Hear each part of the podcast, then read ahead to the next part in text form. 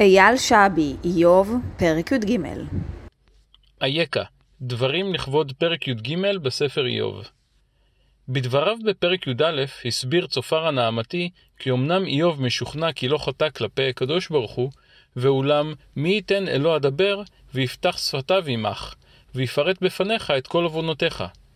את תסכולו כובש איוב במשך כל פרק י"ב, ובפרק י"ג נענה לאתגר ופונה לקדוש ברוך הוא. וקרא ואנוכי אענה, או אדבר ואשיבני. כמה לי עוונות וחטאות, פשעי וחטאתי הודיעני. למה פניך תסתיר, ותחשבני לאויב לך? אם נדבר גלויות, התסכול של אדם שלא מקבל תשובה לשאלתו הוא גדול מנשוא. מכיוון שחלף זמן רב מאז קיבל אדם איזשהו מסר מריבונו של עולם, אני אסיט את הדיון ליחסים שבין אדם לחברו, שגם הם לא חסרי תסכולים בהקשר הזה.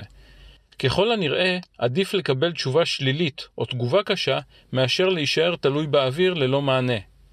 האם השארתי בעל מלאכה ממתין למוצא פי לגבי הצעת מחיר שהגיש לי? מה עם העמית לעבודה שממתין לסיוע, אך אני לא מוצא את הזמן לעשות זאת? הגיע הזמן לענות לכל הממתינים, בין אם לחסד, ובעיקר, אם לשבט.